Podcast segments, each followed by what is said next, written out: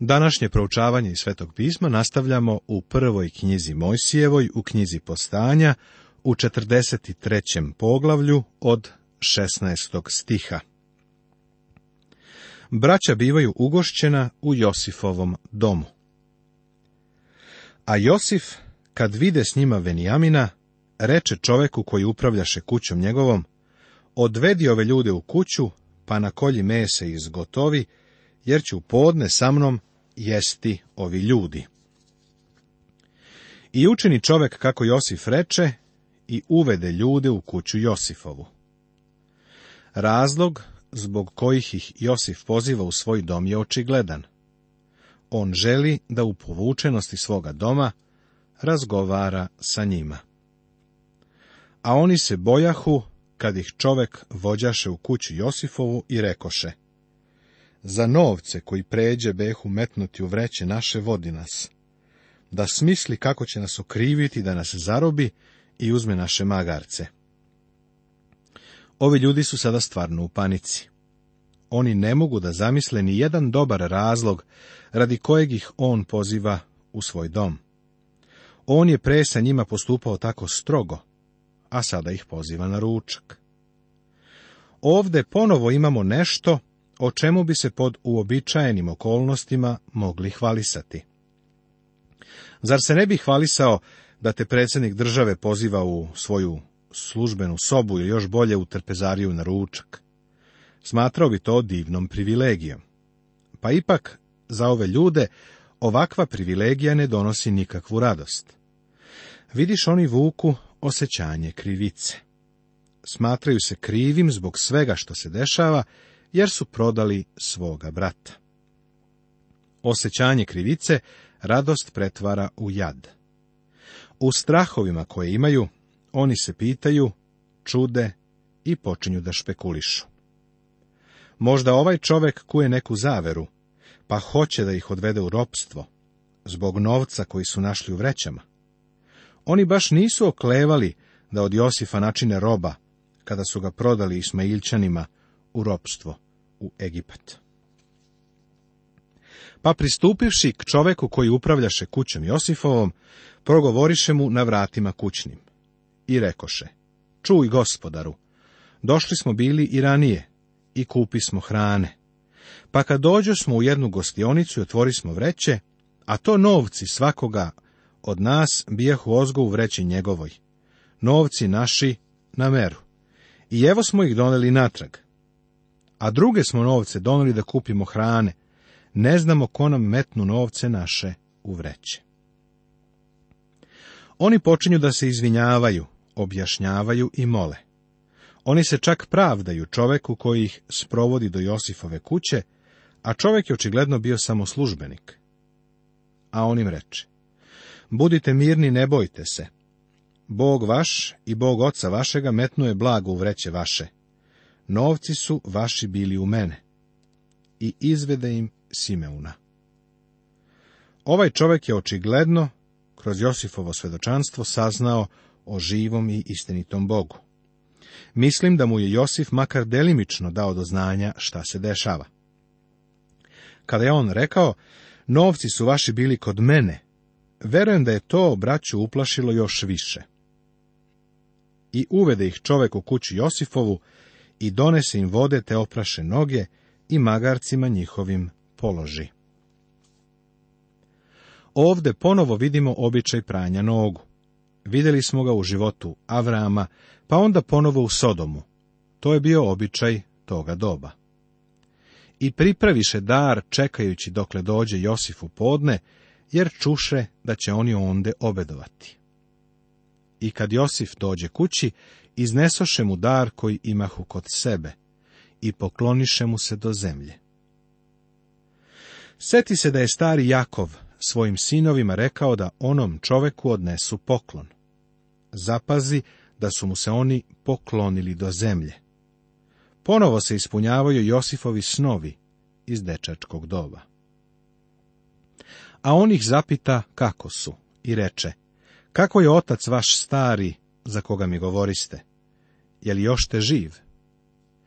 Ovo je dramatičan moment. Josif verovatno sedi, možda ne baš na tronu, ali na istaknutom i izdignutom mestu, a njegova braća mu se poklanjaju. Dok ustaju na noge, Josif ih gleda pravo u oči, a oni gledaju njega. Josif pita, kako je otac vaš stari za koga mi govoriste? Je li još živ?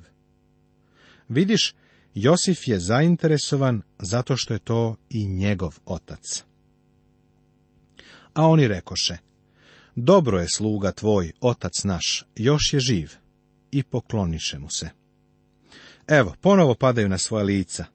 Baš bih voleo da imam sliku ovoga, a ti, Venijamin je sa njima, pa mu se i on poklanja. A on pogledav, vide Venijamina brata svojega sina matere svoje i reče, je li vam to najmlađi brat vaš za kojega mi govoriste? I reče, Bog da ti bude milostiv, sinko. Josif gleda svoga brata Venijamina, sina matere svoje.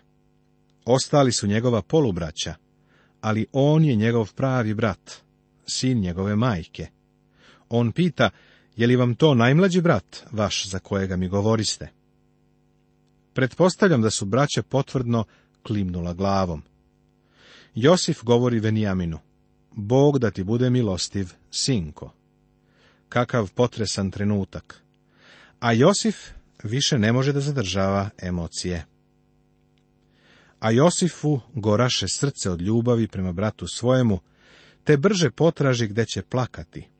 I ušav u jednu sobu, plaka onde. A Josif goraše srce od ljubavi prema bratu svojemu. Znači da je bio duboko dotaknut i njegovo srce je puno saosećanja. Pretpostavljam da je braći rekao, izvinite me na trenutak, nekome traži preko telefona, a onda izašao iz sobe što je brže mogao. Otišao je u svoje lične odaje i plakao. Posle svih tih godina on vidi svoga brata Venijamina. Prošle su oko 22 godine. Josifu je sada skoro četrdeset, a venjamin je mladić. Posle umiv se izađe i ustežući se reče, dajte obed. Ovo je čudesna, divna slika nečega što će se tek ispuniti. Verujem da ćeš ovo uvideti. Prorok Zaharije nam govori da će se Isus Hristos jednoga dana objaviti svojoj braći. Oni će ga pitati za probadanje njegovog boka i za ožiljke od eksera na rukama. On će im toga dana reći, ovo sam zadobio u kući mojih prijatelja. Onda će ga oni prepoznati i plakaće. On im je obezbedio spasenje. On je svoj život dao za njihovo izbavljenje. Ovo će se zbiti kada se gospod Isus vrati na zemlju. Otkriće se svoje braći, narodu Izraela će tu ostatak koji će ga poznavati. Mnogi od njegove braće nisu verovali u njega kada je došao prvi put, ali ovoga puta će ga upoznati. Slično ovome, Josifova braća su oni koji su ga predali u ropstvo. Prodali su ga, otarasili su ga se. Ali on će se sada pokazati i objaviti svoje braći. Jednoga dana gospod Isus će učiniti to isto. Moji hrišćanski prijatelju, čuvaj se antisemitizma. Uprkos tome koliko izraelski narod jeste slep, i uprkos tome u šta su danas uključeni, i uprkos tome što svi oni nisu baš divni ljudi, i dalje je istina da su oni gospodnja braća. Dolazi dan kada će im se on objaviti. Ovo je porodična stvar. Bolje bi bilo da njegovu porodicu ostavimo na miru. Nijedan pravi hrišćanin ne može se zauzeti za antisemitizam. Nakon što je Josif otišao u lične odaje da plače, on ponovo uspeva da kontroliše svoja osjećanja. Umiva se i vraća braći. Zatim je rekao, hajde da jedemo. I donesoše njemu napose i njima napose i misircima koji obedovahu u njega napose, jer ne mogahu misirci jesti s jevrejima, jer je to nečisto misircima. Ima nekoliko stvari u vezi sa ovim obedom, koje bi braća zapazila da nisu bila tako prestrašena. Prvo je da Josif nije jeo sa Egipćanima. Egipćani su jeli sami. Josif je bio odvojen od njih. Braća su mogla da misle da je to bilo prosto iz razloga što je on bio uvažena ličnost, poglavar ovog mesta.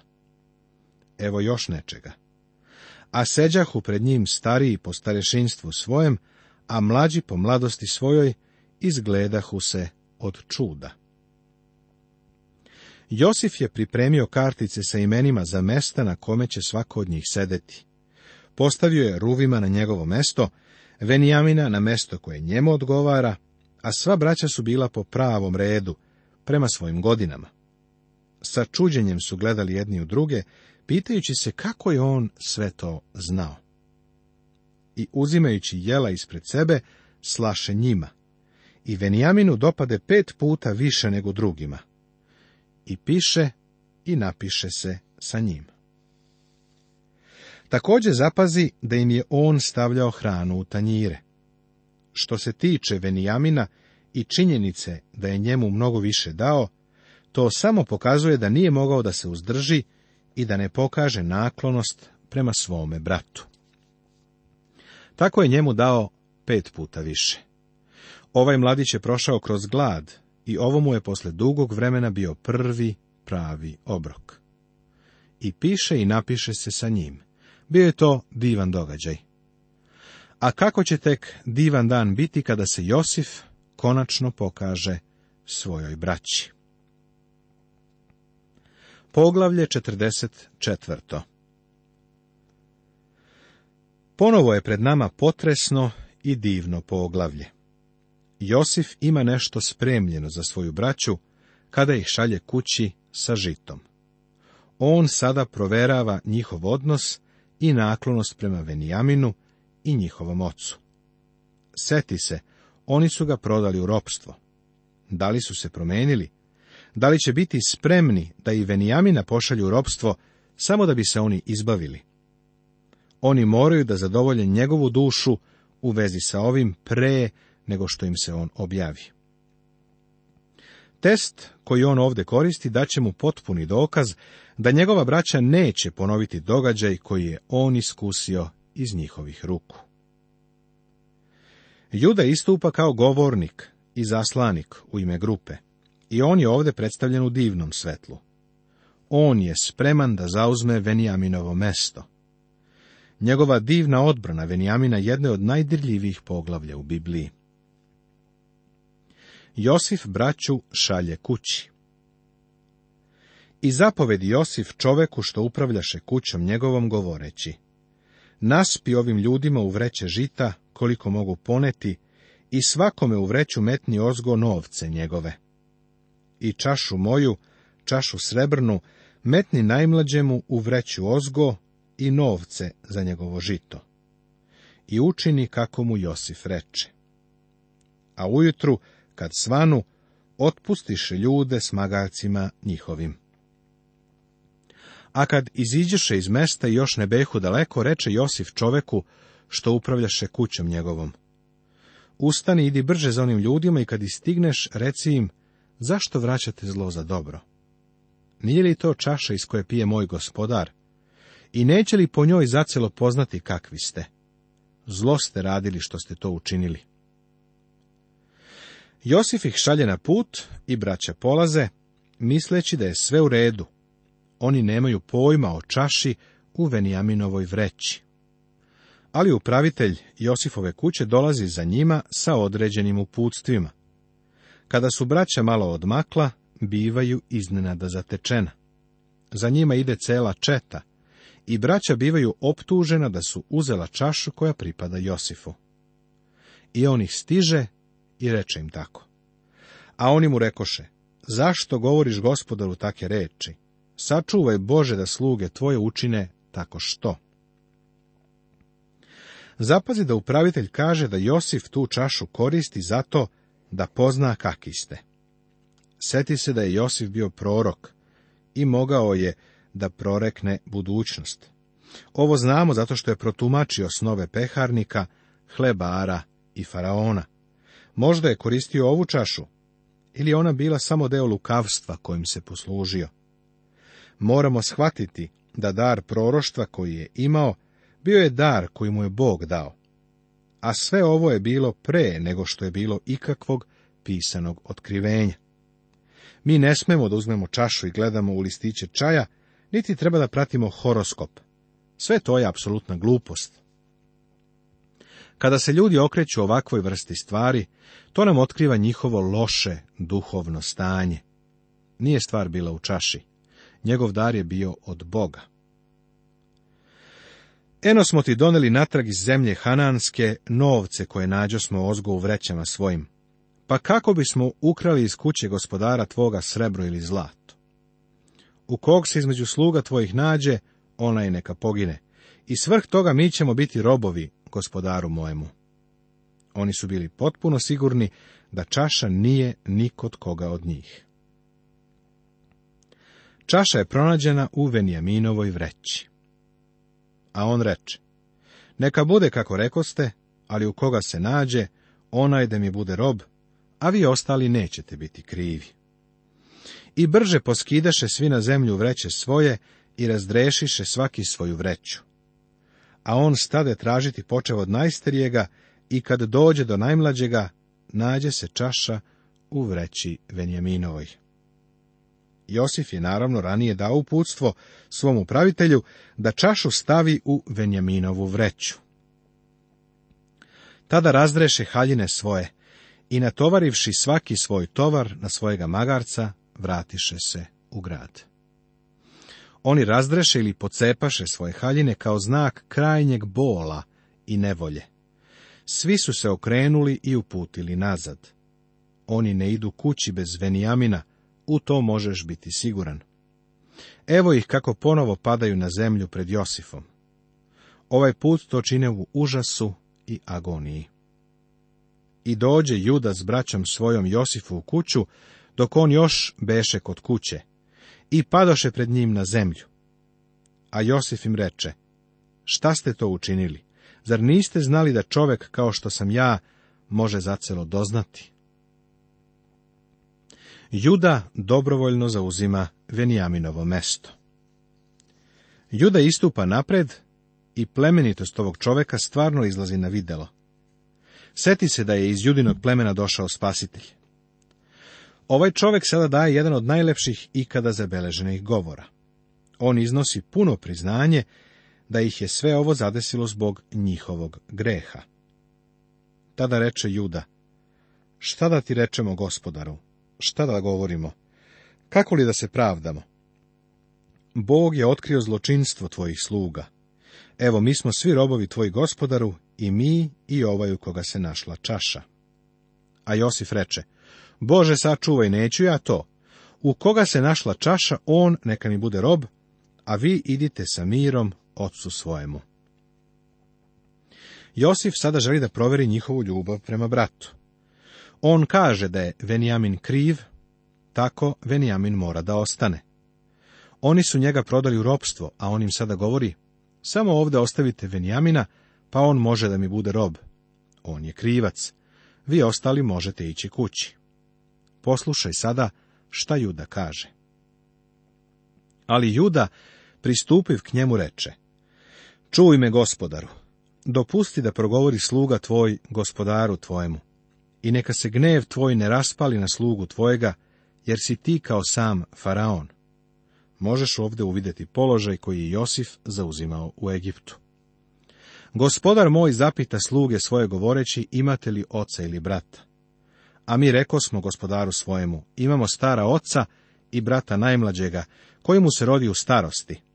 A njegov je brat umro, i on osta sam od matere svoje i otac ga pazi a ti reče slugama svojim, dovedite mi ga da ga vidim svojim očima. I reko smo gospodaru svojemu, neće moći dete ostaviti oca svoga. Da ostavi oca svoga, odmah će otac umreti. A ti reče slugama svojim, ako ne dođe s vama brat vaš najmlađi, nećete više vidjeti lica mojega. A kad se smo k sluzi tvojemu, a ocu mojemu, kaza smo mu reči gospodara mojega. Posle nam reče otac, idite opet kupite nam hrane. A mi reko smo, ne možemo ići osim ako bude brat naš najmlađi sa nama, onda ćemo ići. Jer ne možemo vidjeti lice ovog čoveka, ako ne bude sa nama brat naš najmlađi. A sluga tvoj otac moj reče nam, znate da mi je žena rodila dva sina. I jedan od njih otida od mene i rekoh, zacelo ga je raskinula zverka, i do sada ga ne videh. Ako i ovoga odvedete od mene i zadasi ga kako zlo, svalit ćete me stara u grob sa tugom. U ovoj izjavi Juda pripoveda sve šta se desilo i kako se njihov otac osjećao. Nastavit će se.